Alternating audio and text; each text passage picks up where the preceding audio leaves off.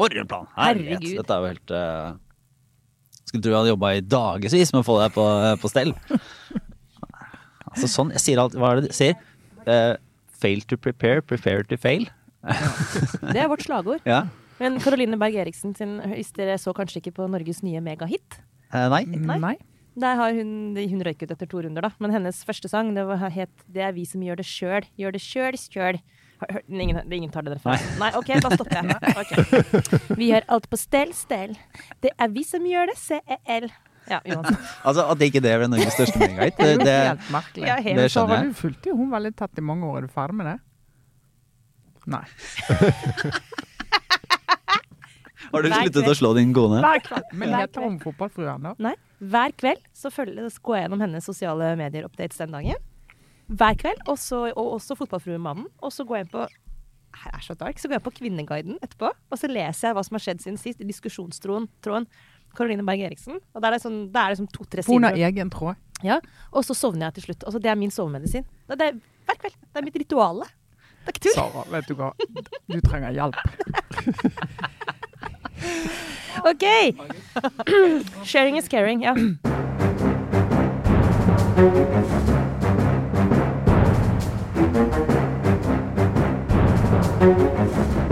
Ja, men Så fint. Da er vi i gang med denne ukens Aftenpodden eh, på plass i studio. Eh, Friere enn sist, eh, får vi si. Alle fire. God dag, god dag, Trine Eilertsen. God dag, god dag. Hei, Sara Storheim. Hallo. Hei, Kjetil Astheim. Og jeg, Lars Glomnes. Altså, vi feirer jo på mange måter at uh, statsminister Jonas Gahr Støre sto opp på talerstolen her på tirsdag kveld og annonserte at uh, en ny tid er kommet. Uh, vi er friere. Uh, Riktignok uh, beholdes meteren, eh, kontroversielt nok, men, eh, men ellers er det lettelser over hele linja. Har vi Altså, må bare ta en liten sjekk. Ha, altså, ha, bruker vi denne nye frihet, nyvunne friheten til noe, Trine? Jeg var på restaurant i går. eh, For første gang på lenge. Vi satt fire rundt bordet og snakket sikkert seks-syv ganger og refererte til Jøss, tenk vi er på restaurant. og Ja, Det var fint å ikke lage maten sjøl. Ja, så, det, så det vil jeg si at da markerte jeg. Men det er ikke det samme som det var forrige gang. Det er ikke samme sånn euforiske gjenåpningsfølelsen. Jeg føler at vi er, vi er litt sånn skada. Ja. Så jeg liksom kjenner litt på sånn her, ja OK, men det, nå er jeg liksom redd for å mm, ta gledene for innover meg. Tilfelle det bare kommer et eller annet sånn Ja, så når du er ute, så ser du Ja. at han, han gikk eh, på do med munnbind. Uh, må, må jeg det? Er det sånn? Og så skal du ta det av. Altså, ja, sånn holder vi på. Så er det, jo, det er jo en helt annen situasjon nå, da. ikke sant? I slutten av september så var jo det sånn ferdig. Men Ja. nå er det sånn OK, vi, vi tar vekk restriksjonene fordi alle skal bli smittet uansett. Ja. Så jeg, jeg ble kastet ut av en bar her på fredag. Riktignok en kaffebar, men de måtte da stenge tidlig fordi de hadde ikke folk. Pga. omikron så hadde de ikke, fikk de ikke nok folk til å holde kaffebaren åpen. Ikke sant? Men spørsmålet er var det fordi de faktisk var syke, eller fordi de ikke kunne gå på jobb fordi de satt i karantene. Det er det vi må finne ut av nå, da. Eh, Det er jo en risiko for at det blir høyt sykefravær, men, eh, Men det er jo ikke så mye karantene. er jo nesten vekk. Ja. Ja, det er akkurat det, og det er det- eneste rette. Uh, føler at mine bønner er hørt på akkurat det, da. Alles bønner for øvrig. Men det er jo bare sånn det må være nå. Men det er litt sånn det er, det er en litt annen stemning. Det er mer sånn OK, vi klarte ikke å slå dette viruset, så nå er det her, og nå må vi bare liksom leve med det. Men uh, det er akkurat det vi må. Og det krever et litt sånn stort sånn mentalt skifte hos folk. Men for Så- noen har det- gått ganske fort, da, som står klar med bagen og reiser rett på jeg drar sydentur, holdt rett jeg på. Gardermoen i dag Ja. uten fersk PCR-test, for det trenger jeg ikke der jeg skal. og så flyr jeg til eh, Europa. Til Europa for å stå på ski. så herlig. Danse på afterski-bordene. Men Nei, det er god ikke meter. lov. Det er ikke lov eh, der, eh, der vi skal. Nei. Faktisk ingen Vi steder. Vi lever jo er i et Amish-samfunn. Altså, Ja, Det er jo ikke lov å danse, det må vi aldri glemme. Dansing er liksom nå Det er liksom det eneste som er sånn det, Du kan gjøre hva som helst, men ikke ikke danse. Skal du ut og danse, Sara? Jeg, jeg skal hjem og se på Altså nå skal jeg neste to ukene sitte hjemme og se på TV. eh, Nærmere bestemt OL. Så det kan vi komme tilbake til seinere. Så det skal jeg, rett og slett. Det er, gleder meg helt sinnssykt. Det gleder jeg meg til. Det har jeg sånn ekte.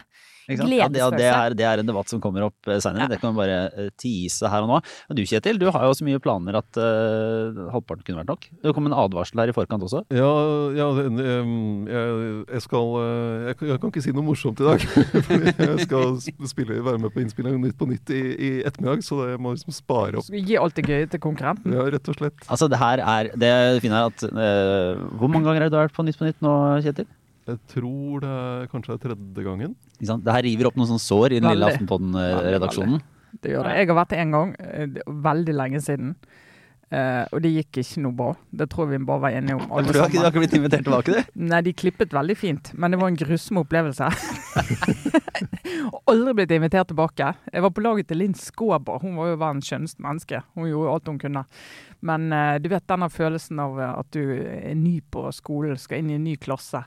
Og så hele klassen de bare har sånn sjargong og kjenner hverandre kjempegodt. Så det blir bare helt sånn låst og hemmet.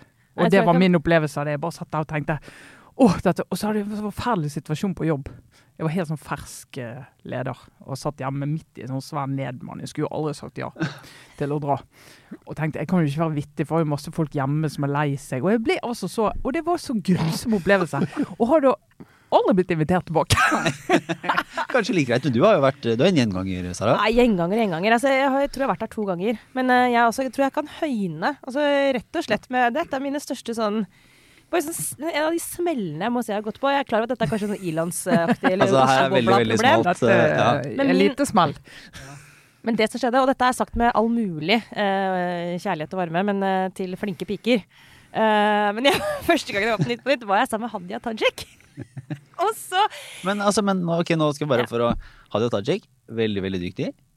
Altså ikke sånn i utgangspunktet kjent som en sånn utrolig morsom person. Det er ikke ment negativt om henne, men, men uh... Det gjør du. Altså her, eh, Det som jeg kan trekke ut av lærdom da, av dette, er at eh, man må liksom eh, ikke la være å forberede seg og øve, selv om man tror at man kan ta alt på hæren. Fordi jeg tenkte sånn Herregud, dette her er jeg satt i jorden for å beherske dette formatet. Og det er du, Sara. Nei, jeg er ikke det. Nei, Nei, men det, men det sa de til meg, og så sa de, de sa sånn Du vet det at mange som kommer hit, de uh, tenker sånn at jeg er veldig morsom i kantinen og kommer med veldig mye sånn gøye one-linere. Det er ikke nok her. Overhodet Da ikke ble jeg nok. bare enda mer hemmet, jeg.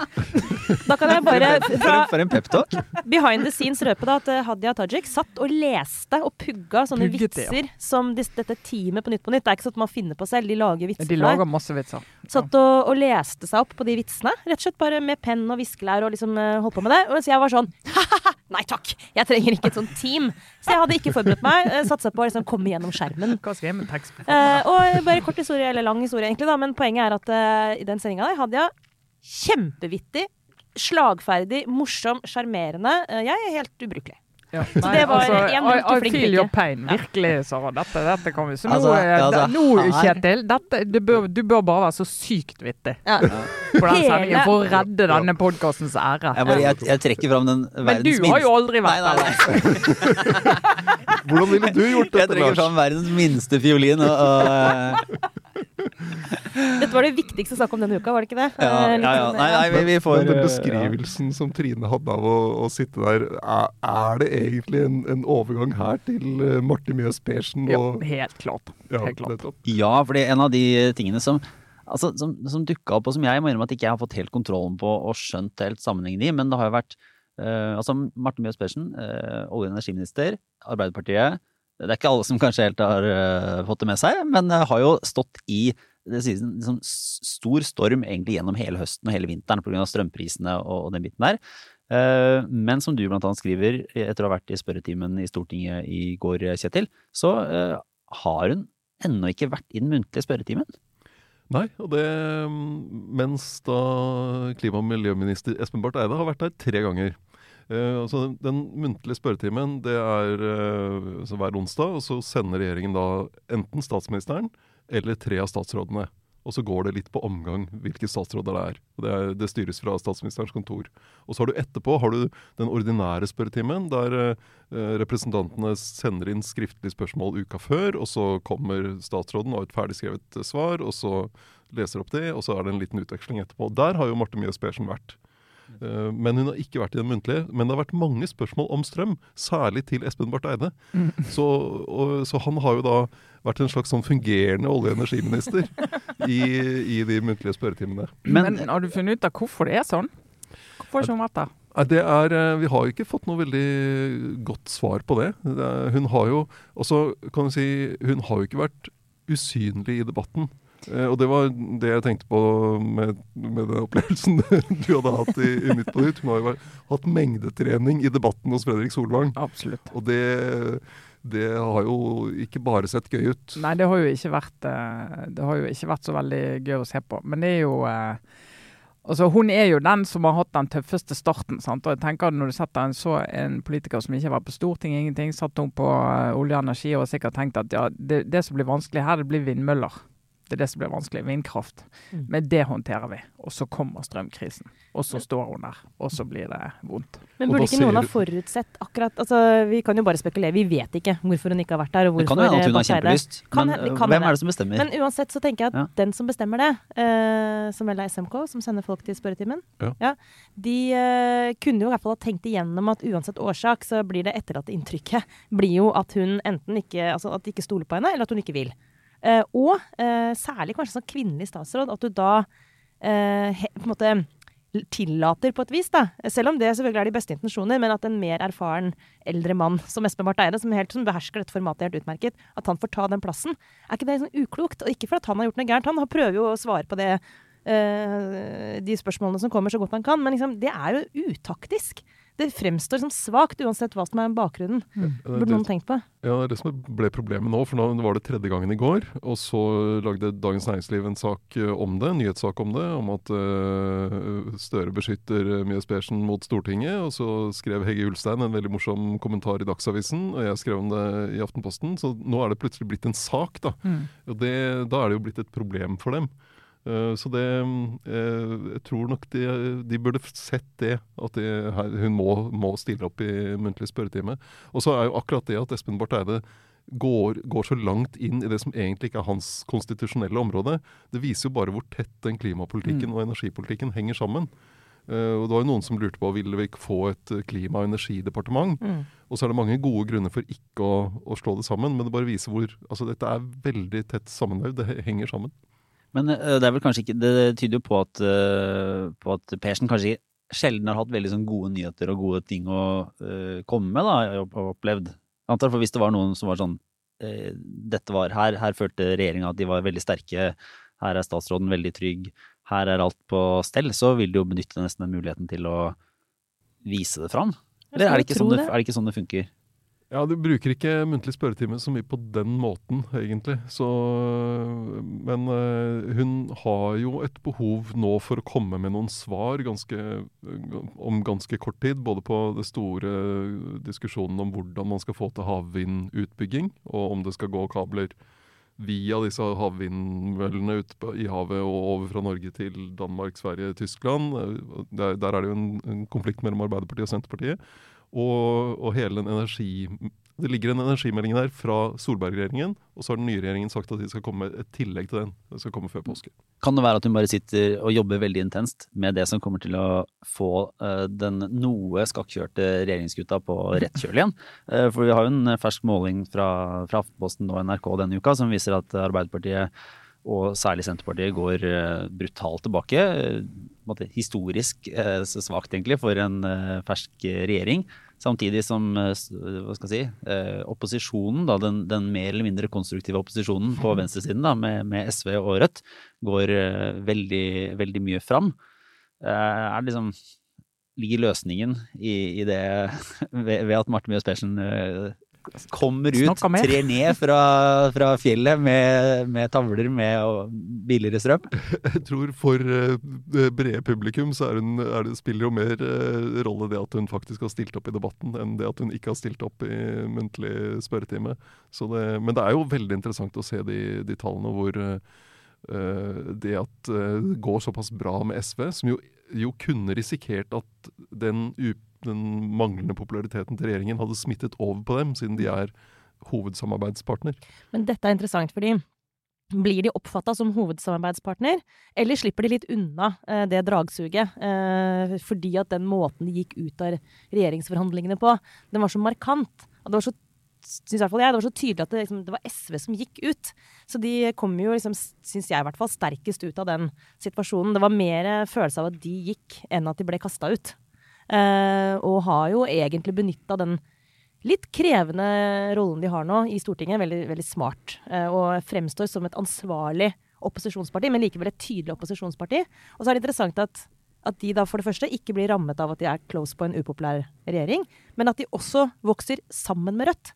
Eh, Sånn at det er liksom Det er ikke sånn at det, at det er en konkurranse, virker det som nå, mellom Rødt og SV om å liksom ta hverandres velgere. De vokser begge to. Så det er en eller annen sånn Ja, eh, større bevegelse der. Ja. Hvis SV hadde vært i regjering, om de da hadde blitt eh, enda mer utfordret av Rødt. Og Rødt hadde vært enda større. Eh, og vi liker jo å sammenligne, vi som har studert sammenlignende politikk. Eh, og det er Snakk for deg sjøl. Ja, og det er jo interessant å, å se altså, den forrige regjeringen som startet med en sånn samarbeidsavtale. Hvor de to partiene, altså KrF og Venstre, sto på utsiden av regjeringen hadde en samarbeidsavtale. Men jo, så da satt de, fikk de ikke gleden av å sitte på innsiden og være med i de daglige beslutningene. Det valgte de vekk. Eh, men de fikk heller ikke gleden av å få det som SV får nå. Mm. Altså den uavhengigheten som gjør at eh, de kan si nei, det er ikke jeg som sitter i regjering, vi tar det vi òg. Sånn at de tapte og tapte og tapte på den eh, hybridløsningen sin. da. Så det er, det er veldig spennende å se, bare for å eh, knagge det på noen litt, eh, ikke så fryktelig mange tall, da, men SV ligger jo nå på den siste målingen på 10,4. eh, og som da er større enn Senterpartiet, som ligger på 8,7. Og dette er da selvfølgelig bare én måling, men følger jo en, en trend.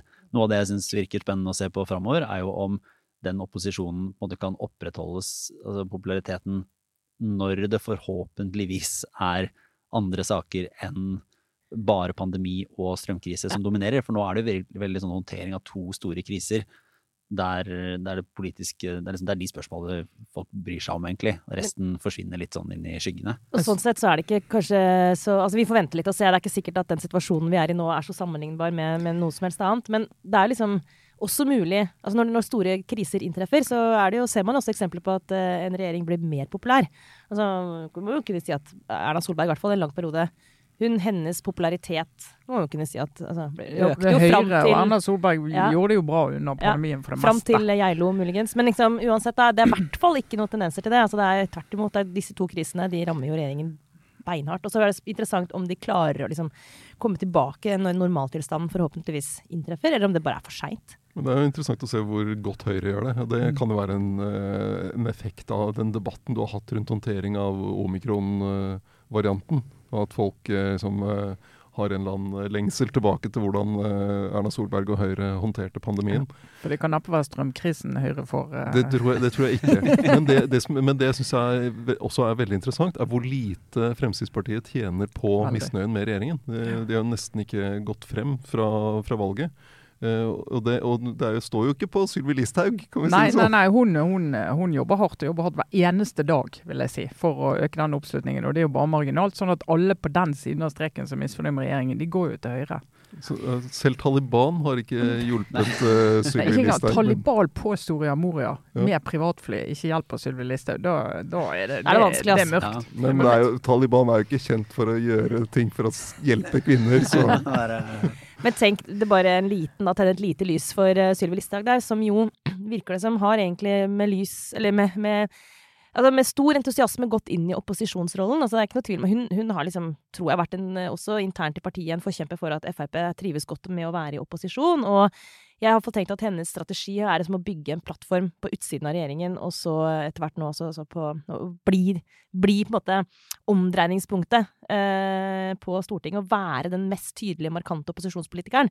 Og det skulle på en måte være Sylvi Listhaugs vei til å bare bygge partiet. Og det foreløpig er en helt mislykka strategi. Altså de er de har ikke blitt et eh, sentralt eh, Hun er ikke noe sentral stemme i opposisjonen, og de er egentlig De får, de får det ikke til.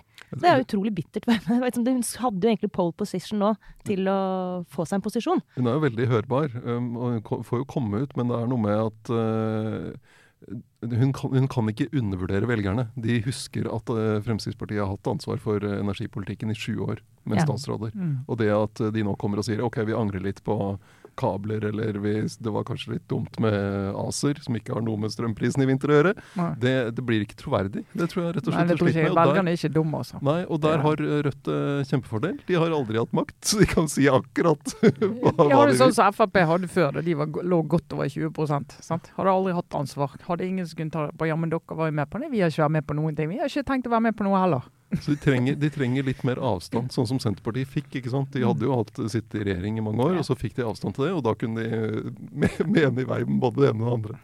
Bare en, eh, en slags fun fact når man ser på meningsmålinger, så har vi også disse bakgrunnstallene, ikke sant? så du kan se hvor, eh, hvor velgerne beveger seg. Jeg elsker at du bruker fun fact ja. om meningsmålinger, Lars. Det, Dette, dette er Aftenpodden. Det er, eh, ja, en, men en detalj da, inni dette her. Ja, Ja. ikke sant? Det, eh, det kan du ta med deg på hvis, du, hvis du skal imponere på Nytt på Nytt i kveld, så kan du, kan du plukke opp litt meningsmålingseksempler her. Men nei, det var bare at vi ser på, på bakgrunnstallene hvor de ulike velgerne går, og så ser man på lojalitet. da. Så Senterpartiet har jo nå veldig lav lojalitet. Så av de som tidligere stemte Senterpartiet, så er det omtrent halvparten som sier at de ville gjort det i dag. Det forklarer jo enkelt hvorfor de går veldig ned. Eh, og så ser man på andre partier som, man, som gjør det dårlig, så pleier de å ha veldig lav lojalitet. Eh, og der ser vi på bare KrF, som har en, en lojalitet på 80% tror jeg. Som er veldig, veldig høyt. Som er veldig, veldig høyt. Altså det, er sånn, det, det er egentlig et tegn på kjempestor suksess. Men ifølge den målingen og saken i Aftenposten, så plukker de på en ikke en eneste velger fra noen andre. Ingen som går Ingen til de. som går til de Nei. Men det er heller ingen som forlater dem, bortsett fra de som forlater dem. Det er sånn definisjon av et grunnfjell. Det er bare sånn det er, Det er eh. Nå har de, har de truffet grunnfjellet sitt, og foreløpig ikke lokka noen andre til seg.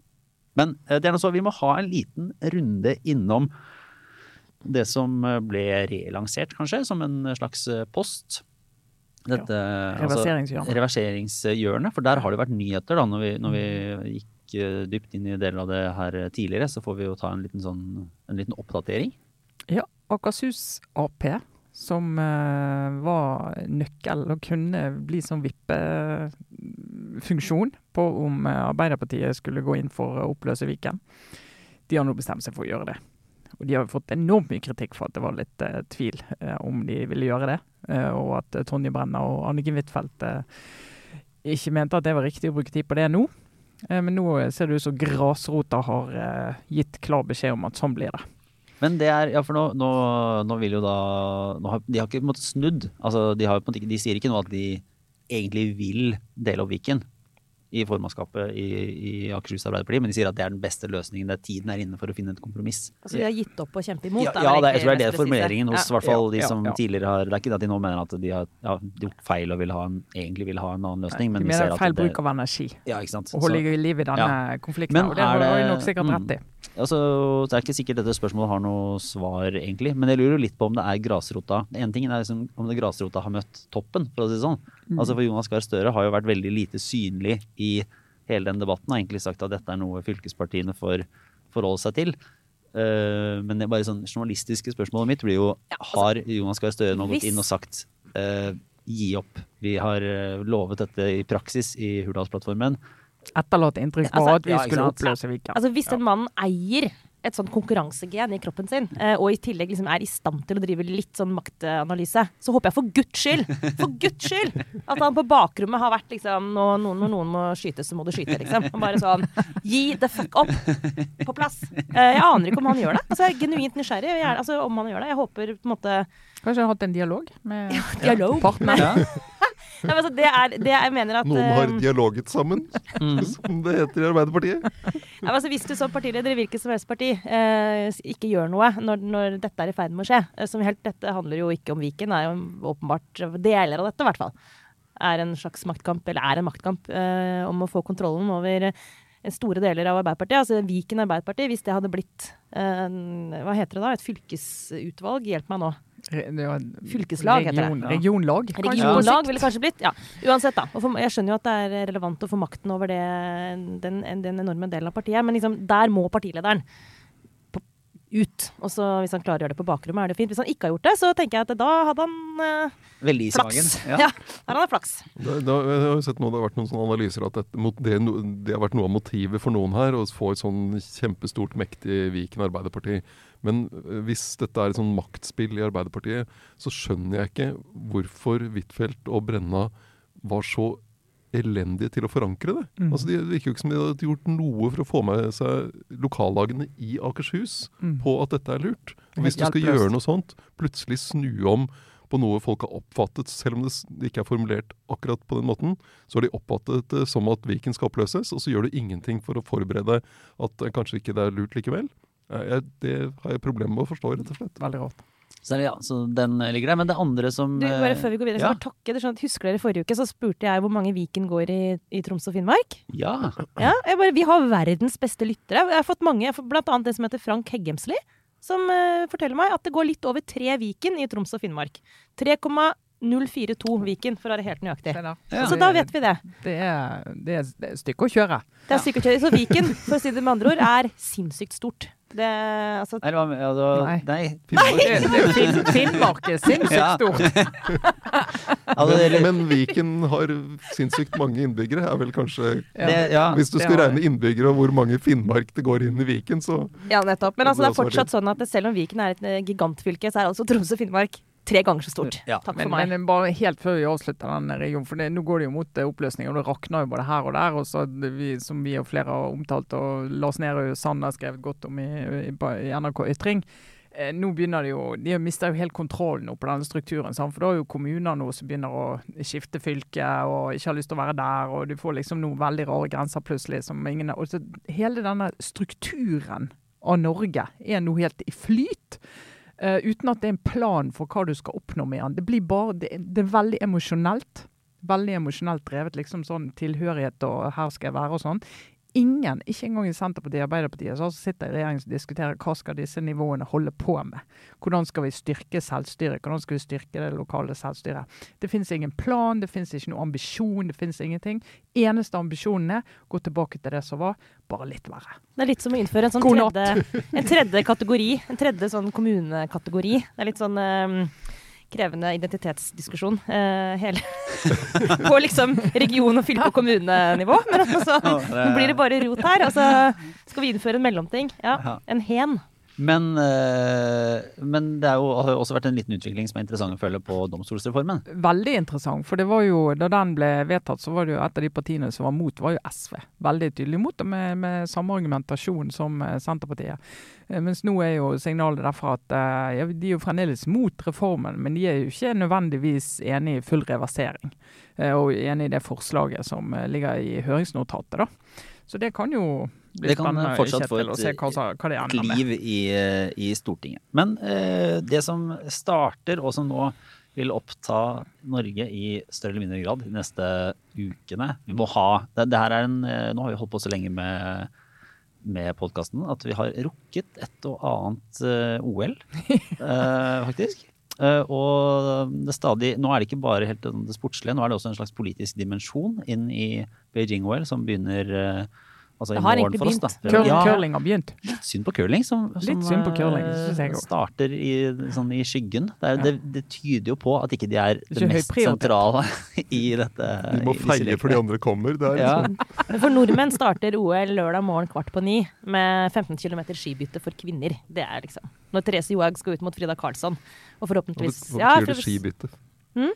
Fem, hva 15 km skibytte? Åh, Kjetil, du er altså så ute å kjøre. Ja.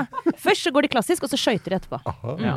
Altså for her, er, her er det jo en eh, her er, her er det bare å erkjenne at det er en deling i, Det, det, i jeg vil si eh, det, er en- det, det er en avgrunn ah, Ja, fordi tvers gjennom podden. Ja, for, fordi du har jo allerede på en måte, annonsert at du gleder deg veldig til dette her. Kjetil, det, til å være en mann som er opptatt av nesten absolutt alt, så innimellom at du har et, et, det et veldig sånn stort, stort hull, som er der hvor uh, sports- og idrettsinteressen fins for mange av oss andre.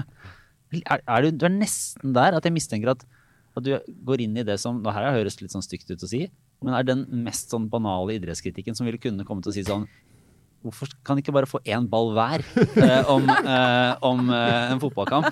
Nei, nei altså, altså jeg, ser jo, jeg ser jo den gleden Sara har av idrett og fotball og sånn. Men eh, jeg, synes, jeg har bare ikke den gleden. Jeg bare unner deg den. Vær så god. Det bare treffer deg ikke en plass på men kroppen. dette kan jeg slippe unna. Men gjelder det bruke- alle idretter? Ja, ja, ja jeg har, det var et OL, var det i Rio, tror jeg. Da så jeg på noen av de basketballkampene med det amerikanske laget. Mm. Det er, eh, det er faktisk litt fascinerende, det må jeg bare innrømme. Men uh, OL i, i Kina, det kommer jeg til å boikotte. Men det, det, er liksom, det, er litt sånn, det, er, det er omtrent like lett for deg å boikotte OL i Kina som det er for meg å liksom, Jeg boikotter treningsstudio. Ja, Jeg tar et valg i livet. Jeg går ikke på treningsstudio. Men å, så vanskelig! Kjempestort offer. Altså, Jeg, jeg ville jo boikotte hvis det var på Lillehammer også, jeg. Altså, Ja. ikke noe problem. jo, jo, men det er, liksom sånn, Men det det er jo ikke noe modig standpunkt når men- du bare ikke bryr deg. Nei, jeg påstår ikke at det er modig. Men det, det, som, kan, det som blir spennende, er jo dette er jo sånn 50 km i hurtigtest og sånn. Det er jo det. Hvem er det som greier seg uten å dukke opp med omikron? Ja, dette gir jo egentlig en sånn ekstra spenning. Det er litt sånn et ekstra spenningsmoment som eh, kommer inn her. Og, og, og det er jo fortsatt sånn at jeg håper at uh, Simen Helstad Krüger, f.eks., uh, som jo er, sitter på isolasjon med koronasmitte, klarer å komme seg ned til femmila. Uh, osv. osv. Det er mange sånne ting jeg går og tenker på for tiden. Ja, det går jeg og tenker på. Jeg bor jo i Lynland. Han er jo lynmann. Det, er jo, det eneste vi snakker om i Lynland, det er jo uh, stakkars Simen som altså nå sitter uh, isolert. Men, Men, så er det jo et sånt ja. politisk det, er jo, ja. uh, det er omtrent like vanskelig å forsvare OL sånn rasjonelt som det er å forsvare kongehuset. Sant? Uh, så kan vi ta en annen gang, Kjetil. Men, men, det er jo en ny Men, dimensjon her. fordi at nå, Ettersom de på å si de uh, demokratiene i verden, da. Vi har jo mistet mer og mer interessen for å arrangere OL. Mm. men de som gjerne vil, det er jo Kina og Qatar vil ha VM, og de er landene som vi ikke liker å sammenligne oss med, de vil ha. Og vi i vestlige land har sagt at eh, det må dere gjerne ta. Ta den bitingen dere. For dere gjør jo ikke noe at noen er misfornøyd hjemme hos dere.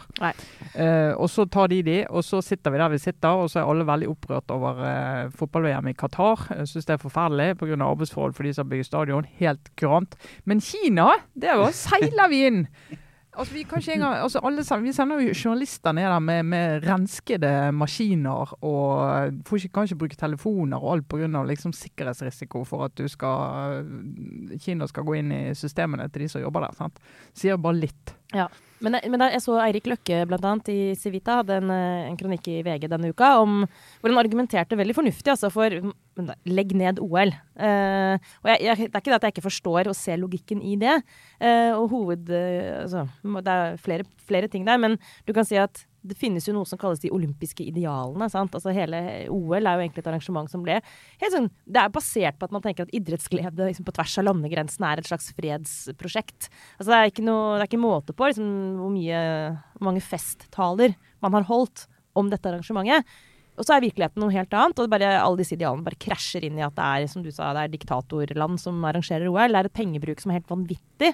Det er dopingdiskusjoner. altså Det er liksom ikke, det er ikke rettferdig konkurranse her. Det er masse som er, er og det er, altså det er korrupsjon i IOC som har vært påpekt og, og, avslørt gang på gang på gang. Så, men, men da liksom spørsmålet er sånn, er det da umulig å liksom redde dette arrangementet? Må man konkludere med at derfor må vi legge det ned. Altså nei, for meg ville det vært helt sånn du må, du må, tragisk hvis man gjorde det. Du må revidere det fullstendig. Du må restarte OL. Ja, men heller det enn å bare si at dette går ikke mer. For det, OL er skal, en Vi skal ikke ta det tilbake til Lillehammer, vi skal utvikle det videre. nei, men altså, du, for, for, eksempel si at uh, vi, nå skal vi ha OL i Europa. Og så bruker du eksisterende stadioner. Liksom, altså du må liksom ikke bygge alt nytt. Det har vært noen krav fra IOC som gjør at et vanlig land kan ikke forsvare det overfor innbyggerne sine. Det er som å liksom si at nå skal vi bygge Kölnerdomen på nytt hvert fjerde år i hvilket som helst land. Det går ikke. sant? Men jeg, altså der, der jeg, er jo en OL eh, Jeg vil si jeg er grunnleggende OL-tilhenger. Uh, og en kan jo forstå argumentet som også har blitt brukt i, i uh, idrettsorganisasjonene med å f.eks. ta fotball-VM til land der man vil utvikle idretten, og som kanskje ikke har hatt infrastruktur fra før. Der man kan måtte, bidra til å, å, skape en entusiasme og gi eierskap til deler av verden som ikke har hatt det før. Og det er jo deler av argumentasjonen også for f.eks. vinter-OL. Men de, de, må liksom de må slutte å ha det da som i Sotsji, som er en sånn badeby. Eller liksom, ikke ha det på steder som ikke får noe merverdi ut av de her arrangementene. Det kan du hilse til Oslo Høyre og si. Altså, vi ja. skulle jo hatt OL her, vi nå. nå. Skulle vært OL i Oslo. Det... Men det syns jeg, er interessant om språk. Det synes jeg er interessant om språkbruken om det her. For nå snakker vi liksom om at dette bruker Kina for å få en sånn propagandaseier. Altså mm. Alle land som tar imot sånne arrangementer, vil jo bruke det for å vise fram mm. landet sitt. Men vi mm. sier jo ikke at Lillehammer-OL var en propagandaseier for Norge. Men det var, det var turist, jo det. Turistinformasjonsseier. Men vi har så gode verdier, så bare bra at vi vinner propagandakrigen. Vi snille. men altså, det er eh, Det kan vi være enige i, Kjetil, er at eh, OL slik det er akkurat nå, det er ikke liksom eh, tipp topp arrangement. Det er, det er, utfordringer rundt det. Men det endrer faktisk ikke min intense glede og entusiasme over å se Særlig langrenn, da.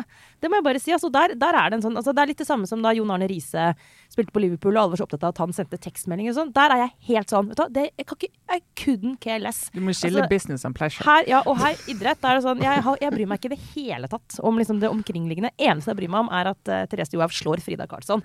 Det bryr jeg meg sinnssykt mye om. Det, det, men kommer du til å Nå vet jeg ikke helt uh, tidsprogrammet for alle disse øvelsene, men noe av det er jo om natta og midt på sånn, sånn at uh, Tidligere, i min uh, yngre dager, så sto jeg opp for å se fotball-VM på andre sida av verden. Som så kamper midt på natta. Mm. Uh, der er jeg vel ikke på vinter-OL uansett. Men, men er, er, du der? Ja, ja. Men nå går det meste tror jeg, tidlig på morgenen. Jeg må sette meg ned og studere dette, dette, disse planene. Men utfor tror jeg er på søndag morgen mellom fire og seks. Mm, men jeg har tatt et valg i livet, og det her høres sikkert ikke veldig imponerende ut for deg f.eks., Kjetil. Men jeg tok et valg, og det er et verdivalg. Eh, det gjorde jeg for noen år siden. Jeg valgte bort alpint. Oh, ja. Rett og slett for at tidsklemma Altså, jeg klarer ikke, og det eh, nå etter at eh, Aksel Lund Svindal også har lagt opp, så er det ikke liksom så Jeg har faktisk valgt bort alpint. Jeg ser ikke på alpint. Liksom, det eksisterer ikke for meg. Jeg, tok, jeg har slått opp med alpint ja. for å få tid til å gå ordentlig inn i langrenn. Men skøyter Skøyter, det er kommet sterkere og sterkere. Er det nye nå?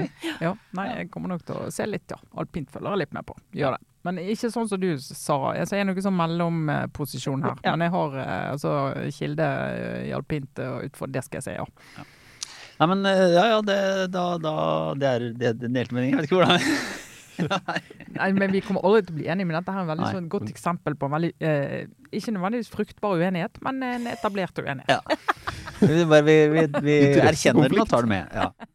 Men eh, inn i en runde med obligatorisk refleksjon. Jeg vet ikke om du vil begynne, Kjetil? Jeg kan begynne. Vi må jo ha litt Boris Johnson eh, hver uke, selv om vi ikke går ordentlig dypt inn i det. Um, det, var, det var jo en helt episk runde i Underhuset i det britiske parlamentet på mandag. Uh, da kom denne rapporten fra Sue Gray, altså uh, høyt, høyt, uh, eller, høyt respektert tidligere embetskvinne ved statsministerens kontor i, i London eh, om disse festene til Boris Johnson og i Number Ten. Eh, og så er det en eh, Fordi det er en politietterforskning, så er det mye hun ikke kunne gå inn i.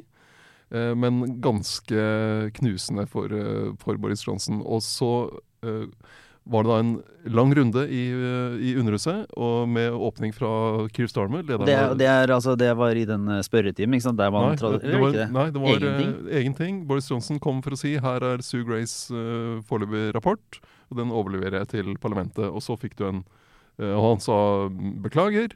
Og så kom Keir Starmer, som er leder av, Labour, og holdt det som flere omtaler som en av hans beste taler noensinne. Han er jo jurist selv, og, men gikk ikke sånn ned i detaljene, men tok det liksom overordnede prinsipielle om hvordan Og kledde av Boris Johnson, egentlig. Rett og slett. Ja. Og, så, og, bare for å skyte inn det, også til eh, påfallende taushet fra toryene. Det pleier å være buing, og de pleier å protestere høylytt, faktisk, eh, når opposisjonen snakker. Altså, og omvendt, da. Men denne gangen var det det var, ikke, det var ikke mye protester som kom fra Boris Johnsons side heller. Nei, det var nesten ingen Nei. som uh, tok ham i forsvar. Og en, jeg husker ikke navnet hans, en Tory-representant som fortalte liksom, om han hadde dratt opp, kjørt i tre timer for å delta på bisettelsen til en tante, kunne ikke klemme noen, kunne ikke uh, uh, ha, ta en kopp te med dem etterpå. kjørte tre timer hjem igjen, og så spurte han mener du jeg var en tosk? Mm. Uh, det, er, det, er, ganske skarpe er ting. altså. Også, men det Boris Johnson gjør når han skal svare på Keir Starmers uh, innlegg, er at han uh, kommer med et sånn sleivspark som, er, som har skapt ganske skarpe reaksjoner. Der han viser til da Keir Starmer var, jobbet for påtalemyndigheten. og så sier han at det han drev med der, var å forfølge journalister, og ikke forfølge Jimmy Savile som var eh, altså en kjent TV-personlighet i BBC, programleder for Top of the Pops osv. Og, så og det var vel da han døde, så kom det frem at han, hadde, han ble anklaget for mange overgrep. Ja, Forferdelige, Forferdelige saker. saker ja, og systematisk over lang tid, også i sin rolle som leder i BBC. Så ja. det er virkelig en sånn, det er en kjempe, kjempeskandale. Så det, det Boris Johnson spiller på der, er jo sånne anklager om at uh, det fins en, en, elite i samfunnet som beskytter pedofili. Mm. Egentlig det, hele den QAnon-konspirasjonen ja. mm. fra USA. Uh, og det, det, Den type anklager mot Keir Starmer har, har, liksom vært i det mørke nettet i Storbritannia. Og så tar da Boris Johnson som statsminister, drar det inn i parlamentet og bruker det når han selv er i en knipe. Det er så sjukt å gjøre det, og så jævlig uansvarlig. Unnskyld. Og hva, og hva er det som skjer da? Jo, da tar jo det, det samme nettet te, på Telegram og sånn, bruker, lager klipp av det. Og nå har statsministeren bekreftet at dette var uh, sant. Men, men hva, hvordan er reaksjonene på det, da? Ja, det, De er veldig sterke, og jeg har hørt også på, på Newscast-podkasten som jeg har uh, anbefalt noen ganger. De hadde intervju med eh, han som var bistandsadvokat for en del av de ofrene. Og som eh, jo altså Dette er grunnløst. Ja. Og, og det var veldig sterke reaksjoner, også fra ofrene for Jimmy Savile, på den måten Boris Johnson brukte det på. Og det er jo nesten altså Jeg syns det egentlig er nesten verre enn de det at de heller gå for det. det, ja, Han burde jo gå for det. Og det at de brøt koronareglene er også alvorlig, men det at du forsøpler hele det politiske ordskiftet på den måten, det er, det er helt uh, ja, det, Men også som kan- debatteknikk er det jo helt nedrig. Altså, det, det, handler ikke om det i det hele tatt. Det er bare sånn desperat forsøk. Veldig Trump-aktig. med Istedenfor å svare på kritikken, så bare snur du det og, og finner på et eller annet som, for å kritisere motstanderen om noe helt annet isteden. For å få på en måte Det, eh, det er jo mye, mye større enn debatteknikk. Det er jo det er jo det er virkelig helt skandale. Ja, Det sier mye om Boris Johnson som politiker og hans forhold til sannheten. Så, men vi kan dele i nyhetsbrevet et, øh, en sånn faktasjekk som BBC øh, har lagd på den saken. Mm. Nei, En av ukens uh, store saker det var jo uh, det som eh, skjedde i helgen, var det vel? Rett før helgen. Da uh, Neil Young eh, gikk ut og sa det til eh, Spotify at eh, nå må dere velge. Enten så beholder dere Joe Rogan-podkasten, verdens største podkast. I så fall må dere ta vekk min musikk. Hvis jeg skal være der, kan ikke han være der. Og Bakgrunnen er jo da at eh, Joe Rogan, en kjempestor podkast, har hatt en del gjester under pandemien som eh, blir knyttet til både konspirasjoner og feilinformasjon. Eh, og rett og slett ganske farlig spredning av eh, feilinformasjon. Eh, og det har, det, vært, det har blitt debunket gang på gang, mye av det som er påstått i den podkasten. Men vi vet jo hvordan verden fungerer. at mange kan høre det, men de får ikke med seg faktasjekken etterpå. Neil Young opprørt, eh, og Spotify de sa det, dette er vi veldig lei oss for. Du får bare takke for deg, Neil Young. Velkommen tilbake når det måtte passe. Så jeg var jo veldig spent på hva skjer nå. Eh, og Det ene som skjedde, var jo at Joni Mitchell, fantastiske, fabelaktige Joni Mitchell, eh, fulgte i hans fotspor og sa det at da mister dere meg òg. Og det er nå noen seks millioner strømminger for hennes musikk, og tilsvarende for Neil Young, så det er nå litt. Eh, og så var det liksom spørsmålet blir dette en stor greie. Og eh, Spotify, som gjør som alle plattformselskaper gjør, de starter alltid med at nei, vi bryr oss ikke om hva innhold folk lager. Vi skal bare formidle innhold. Eh, Det er ytringsfrihet, og vi får bare legge til rette at vi slipper til alle. Så hvis det er motstemmer, så kommer de også. Sånn har jo plattformene på i andre år, men så vet jo vi at de er blitt veldig presset på det de siste årene. Sant? Både Twitter og Facebook er blitt tvunget til å moderere mye mer i forbindelse med forsøk på å undergrave demokratiet, i forbindelse med covid. Altså, du, du kan liksom ikke gjemme det bak at du bare er en plattform. Hvis det er bare musikk, så har det gått an. Men nå har Spotify gått fra å være en musikkplattform med kunstnerisk frihet til å bli en plattform som egentlig leverer ut verbal, samfunnsrelevant informasjon gjennom disse podkastene. De har jo betalt masse penger for å få Rogan eksklusivt 100 også. millioner dollar, så det er jo eh, Han publiserer nå eh, eksklusivt eh, hos de. Og det som er den interessante diskusjonen, er jo nettopp det. sant? Hva, hva skal en sånn publisist som Spotify blir i hans tilfelle, da? Fordi at det er de som publiserer hans podkast, men de, vil, de nekter å ta på seg noe redaktøransvar, sånn som vi gjør når vi publiserer denne podkasten her. Eh, Så har jo Ja, faktisk jeg er for jeg det. For hva du selv sier! Som, som jeg selv sier, som alle de andre podkastene i Aftenposten. Sant? Det har en redaktør med et navn og et juridisk ansvar overfor det som blir eh, sagt her. Eh, det er veldig formalisert. Eh, det har jo ikke disse podkastene som, eh, som Spotify. Da. De vil jo ikke ta på seg det ansvaret, men de har sagt som alle, alle disse plattformene gjør, at du skal få tilgang til verifisert informasjon. Men den debatten er i hvert fall overhodet ikke ferdig med. Så er det hvem er Joe Rogan? Det er egentlig det jeg skal frem til. Og da er det en tekst som er skrevet av Sleit i 2019, før alt dette begynte, før eh, covid og alt. Som en lang tekst, egentlig, men som beskriver hva det er han treffer. For han har jo et veldig, eh, ikke overraskende, overvekt av eh, mannlig publikum. Eh, temaene og bakgrunnen hans og måten han snakker på. Og det, han er jo veldig veldig flink podkaster. Sitter og intervjuer folk og masse interessante mennesker. også. timevis, I ja. Både to og tre timer. Og han er ikke noe sånn hva skal jeg si, tabloid i valg av tema. og Jeg tror mange kan komme ut av det og oppleve at de har lært masse og blitt klokere. og alt det. Så han har en form og en innfallsvinkel, og så er han noe kontrær.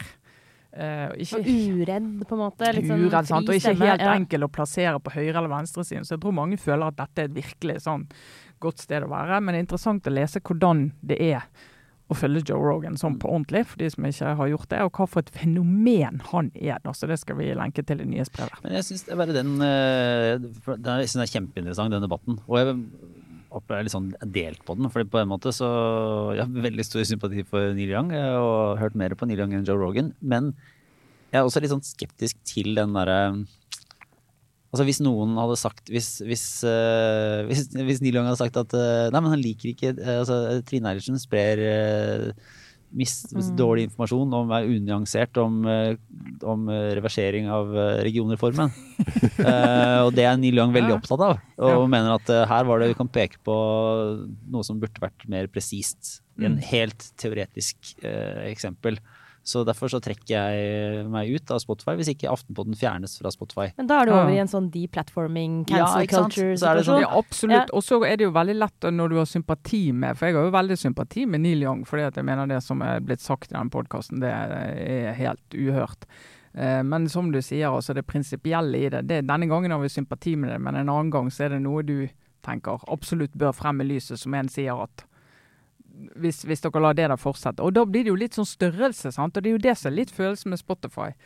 Eh, at hvis det hadde vært en mindre podkaster, som ikke betydde så mye for de, som ikke de har betalt noe for, for de sier vi har jo fjernet 20 000 podkaster, vi. Mm. Eh, at episoder pga. at de har hatt eh, disinformasjon om eh, pandemien. Så tenker du ok, de kan dere fjerne for de er så små og ubetydelige, mens han er så stor at han fjerner dere ikke. og Da blir det sånn de største bestemmer sant? hva som skal publiseres, og de som kan true med å trekke seg ut og skade de økonomisk. sant? Men det er jo den, den, virkelig vanskelige og viktige diskusjonen da, er jo egentlig hvor går grensen fra det vi på en måte Vi som i sånn altså det er jo veldig få som forsvarer en sånn cancel culture, egentlig. Og så særlig for oss i pressen så er jo det liksom, Det er den store skrekken, at vi havner der hvor vi bare begynner å, å redigere etter meninger. Sant? Og fjerner meninger vi ikke er enig i. Det er veien til helvete. Men, men, hvor går grensen? Når er det det faktisk er uansvarlig å viderebringe påstander? Og kanskje en enkelt svar på det er liksom, jo, den grensen går ved loven. Ting som er ulovlig, det, det, må man ta ansvar for, og det må man ta bort hvis man er publisist. Men liksom det er ikke så enkelt i praksis. F.eks. disinformasjon om pandemien. Ja, hvis man, er, hvis man, mener det flertallet mener, så er det, er det å drive med sånn antivaksinepropaganda, det er desinformasjon. Men hvis du faktisk tror på det, så er det jo ikke det. ikke sant? Og da er du, det er kjempevanskelig i praksis å vite hvor, hvor går grensen. Når er det det er riktig å faktisk liksom nekte noen å komme til orde? Det bør sitte langt inne, men det, er jo et, det kommer jo til et punkt hvor man må gjør det. Ja, Og så er det forskjell på meninger og fakta. Ja. sant? Og det er litt sånn uh, tilbake til Boris Johnson-episoden uh, som du beskrev, Kjetil. Uh, hvis han skal sitte da, hvis han hadde hatt en egen podkast, statsministeren i Storbritannia, og så sitter han og sier det der, mm. så spres ut millioner av mennesker med den autoriteten han har, i kraft av sin rolle. Og så skal folk si ja, men han må jo få lov å mene at Keith Starmer ikke gjorde det han skulle gjøre i den jobben der. Men du kan ikke mene om det. Sant? Hvis Nei. du har den rollen der. Altså en, en, mann i gata kan godt mene om det og tenke det. Men hvis du sitter med en autoritet og er avsender, og hvis du da er en publisist, så kan du ikke la folk få lov å mene hva som helst der ute. Du er faktisk nødt til å, å, eh, undersøke det. Men når du er en plattform, så kan du si at folk må jo få lov å si hva de vil om både fakta og meninger og hva som helst. Vi har ikke redaktøransvar. Det må noen, noen andre må gjøre. sant? Mm. Ja, det er veldig interessant. Ja. Eh, hvordan er det med deg, Sara? jeg kan komme med bare en kort anbefaling. Ja. Eh, jo, det var mye denne uka her, men, eh, så jeg skal prøve å gjøre, gjøre, det litt kort. Men i dag eh, har jeg lest eh, en tekst som virkelig rørte meg sånn dypt. Og det er så fint når man gjør det. Og det er Johan Sjagmugaratnan i Klassekampen, som jobber, eh, jobber der som journalist. Han har skrevet om den nye plata til Karpe. Og jeg må jo si at eh, akkurat eh, altså, jeg også som Oslo-boer har, eh, har et veldig intenst forhold til, til Karpe. Liksom, den musikken betyr veldig mye for meg, og etter 22. juli så det er jeg sikkert ikke alene om det. at det er også sånn ekstra sterkt for at det, de som gruppe har liksom satt ord på noen sånne de, de, formulerer hvordan det er å bo i denne byen og i vår tid, og de, de treffer også meg. Men uh, Johan i Klassekampen skriver uh, som barn av innvandrerforeldre en utrolig fin tekst om hvordan, hvordan også eh, de to i Karpe eh, egentlig for første gang nesten i norsk offentlighet setter ord på både det å være eh, nordmann, men, men barn av innvandrerforeldre, men også måten de trekker foreldrenes historie inn i musikken sin på.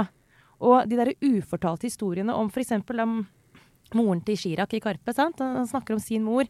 Gikk, altså, og, og de nesten litt sånn hemmelige, ikke hemmelige, men nesten usynlige livene for veldig mange av oss, den store hvite majoritet. Som bare egentlig Det er egentlig en sånn gruppe, altså den, den foreldregenerasjonen der, som vi vet utrolig lite om. Og det er så utrolig kjærlighetsfullt og fint hvordan de eh, snakker om det i sin musikk, og så skriver han om hvordan det oppleves å, å lytte til det for, for han, da, som er i den situasjonen, eh, og forteller veldig, veldig fint om den der følelsen som han han snakker om å være den som oversatte. Fra du var veldig liten, måtte du fylle ut uh, helseskjemaene for foreldrene dine på norsk, ikke sant. Det, det er bare sånn det er en veldig fin tekst, egentlig for oss som ikke er en del av den gruppa. Det er veldig sånn lærerikt og rørende å lese, så jeg kan ut. vi kan sende den ut på nyhetsbrevet. Den teksten der, det var eh, utrolig fin. Og den nye, det nye, hva skal vi kalle det for noe, konseptet til Karpe er jo helt fantastisk. Så det var også en anbefaling å høre på den plata. Jeg syns det er en veldig fin tekst, jeg er helt enig. Det er eh, absolutt uh, veldig lesverdig. Og liksom for, eh, for meg, når jeg hører på det nye albumet til Karpe, så få den teksten, og så OK, det er dette! Ja, for det er jo også så er det masse, masse referanser og, og sammenhenger som, som uh, ikke er helt åpenbar for meg sånn i utgangspunktet. Men vet du hva, som også er ganske greit å bare merke seg også, er at det å være en som ikke helt tar referansene, det er interessant. For dette er kjempestort populærkulturelt fenomen, sant?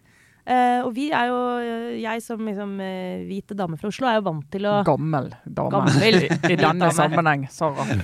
Ja, foreldregenerasjonen, faktisk. Du er ikke- Du er ikke så mye eldre enn eh, Karpe-gutta. Nei, jeg er ikke det, altså. Nei. Faktisk ikke. Uh, men eh, det å ikke Det å på en måte høre på, på populærmusikk og oppleve at jeg ikke tilhører den gruppa som tar alle referansene, det er faktisk også ganske nyttig. Mm. For det, det er jo ikke jeg like vant til som mange andre. Jeg kjenner på et sånt hva si, sånt konstruktivt utenforskap, da. For å kalle det det. Ja. Aftenposten er jo faktisk referert til. Aftenposten refereres Ja. til. Ja, så det, det er bare Det er rett og slett bare Jeg bare elsker at, eh, at Karpe finnes, og at vi får lov til å ta del i det universet der. Og gjennom det faktisk også lære noe ganske viktig om den tiden vi lever i, og den byen vi bor i. Så det takk. Og takk. Riktignok referert til som at vi ikke forstår hva de har sagt. Men det, Det er helt også Ja. 100 korrekt. Ja, men det er fint. Jeg kan egentlig bare runde av med en Jeg vet ikke om det egentlig er en anbefaling, men det er en, en kjapp betraktning eh, rundt eh, dette nye Ikke sånn helt, helt nye, men fenomenet Wordle. Uh, altså den derre ordleken eh, på, på nett, der det kommer et form for et spill eller et brett hver dag. og Man kan eh, gå inn og, og gjette og eh, i etterkant har vist seg fram, for det er jo halve magien. Jo at man liksom deler resultatene sine da, med, med venner, og at det sprer seg jo nå på sosiale medier, og, og har gjort det en stund. Um, det fascinerende ved det er egentlig at New York Times, som jo er en både i gamle dager var en avis, nå har også kjøpt det opp for en, altså enormt mye penger. Ja. Som eh, er en fascinerende utvikling i, i hva både aviser og mediebedrifter skal være. Eller er det det? Eller er det det? Ja. Nei, det er det, som jeg gjør, det er det som er så deilig med dette Wordle. Det Byggevane, ja, men ikke bare det. Det er, ikke noe, altså det, er bare en, det er bare et nytt type kryssord. Bare minner om at kryssordet har jo vært en bærebjelke i alle papiraviser i alle år. Altså, Hvor mange har ikke abonnert på en avis fordi de får et kryssord?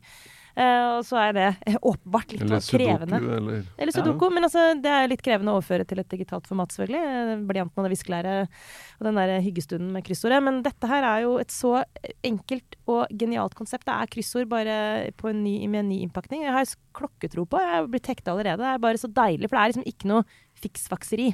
Eh, så sånn sett gir det jo helt mening at New York Times kjøper dette. Ja, ja det, det kan du si. Men det er i hvert fall det er, det er, en, det er et digitalt inntog, da. Eller en revolusjon av, av det, en reform av, eh, av eh, et eksisterende Reformhjul her, faktisk. Ja, som ikke går tilbake til et kryssord på, på mobilen, men et nytt format som kan synes å være bedre. Så jeg lurer på, hvis det er noen som sitter med en sånn ekstremt god idé, Kom hit. så kan de komme hit til Aftenpodden, og så kan vi som en liten mediebedrift eh, kjøpe den opp. uh, for ikke fullt så mye penger som det New York Times kroner og betalt. 50 øre. Ja, altså vi, vi, skal, vi ser uh, nå, det, Såkalte går, såkornmidler. Så det er liksom ja. den det går litt mer ut nå framover til, til kinobilletter og, og øl og rente og strømregning, men vi, vi, hvis det er noe som kan bli en sånn farsott over hele verden, så er vi muligens ja. ja, så kan at vi kan samle sammen et par skillinger likevel. Eh, og med det så tror jeg vi runder av for denne uka. Det var eh, litt av hvert. Eh, du får ha god tur til eh, Alpene, Trine. Får ha god tur til Marienlyst. Jo, takk. Vi snakkes. Det var Aftenpåden. Ha en god helg. Bra.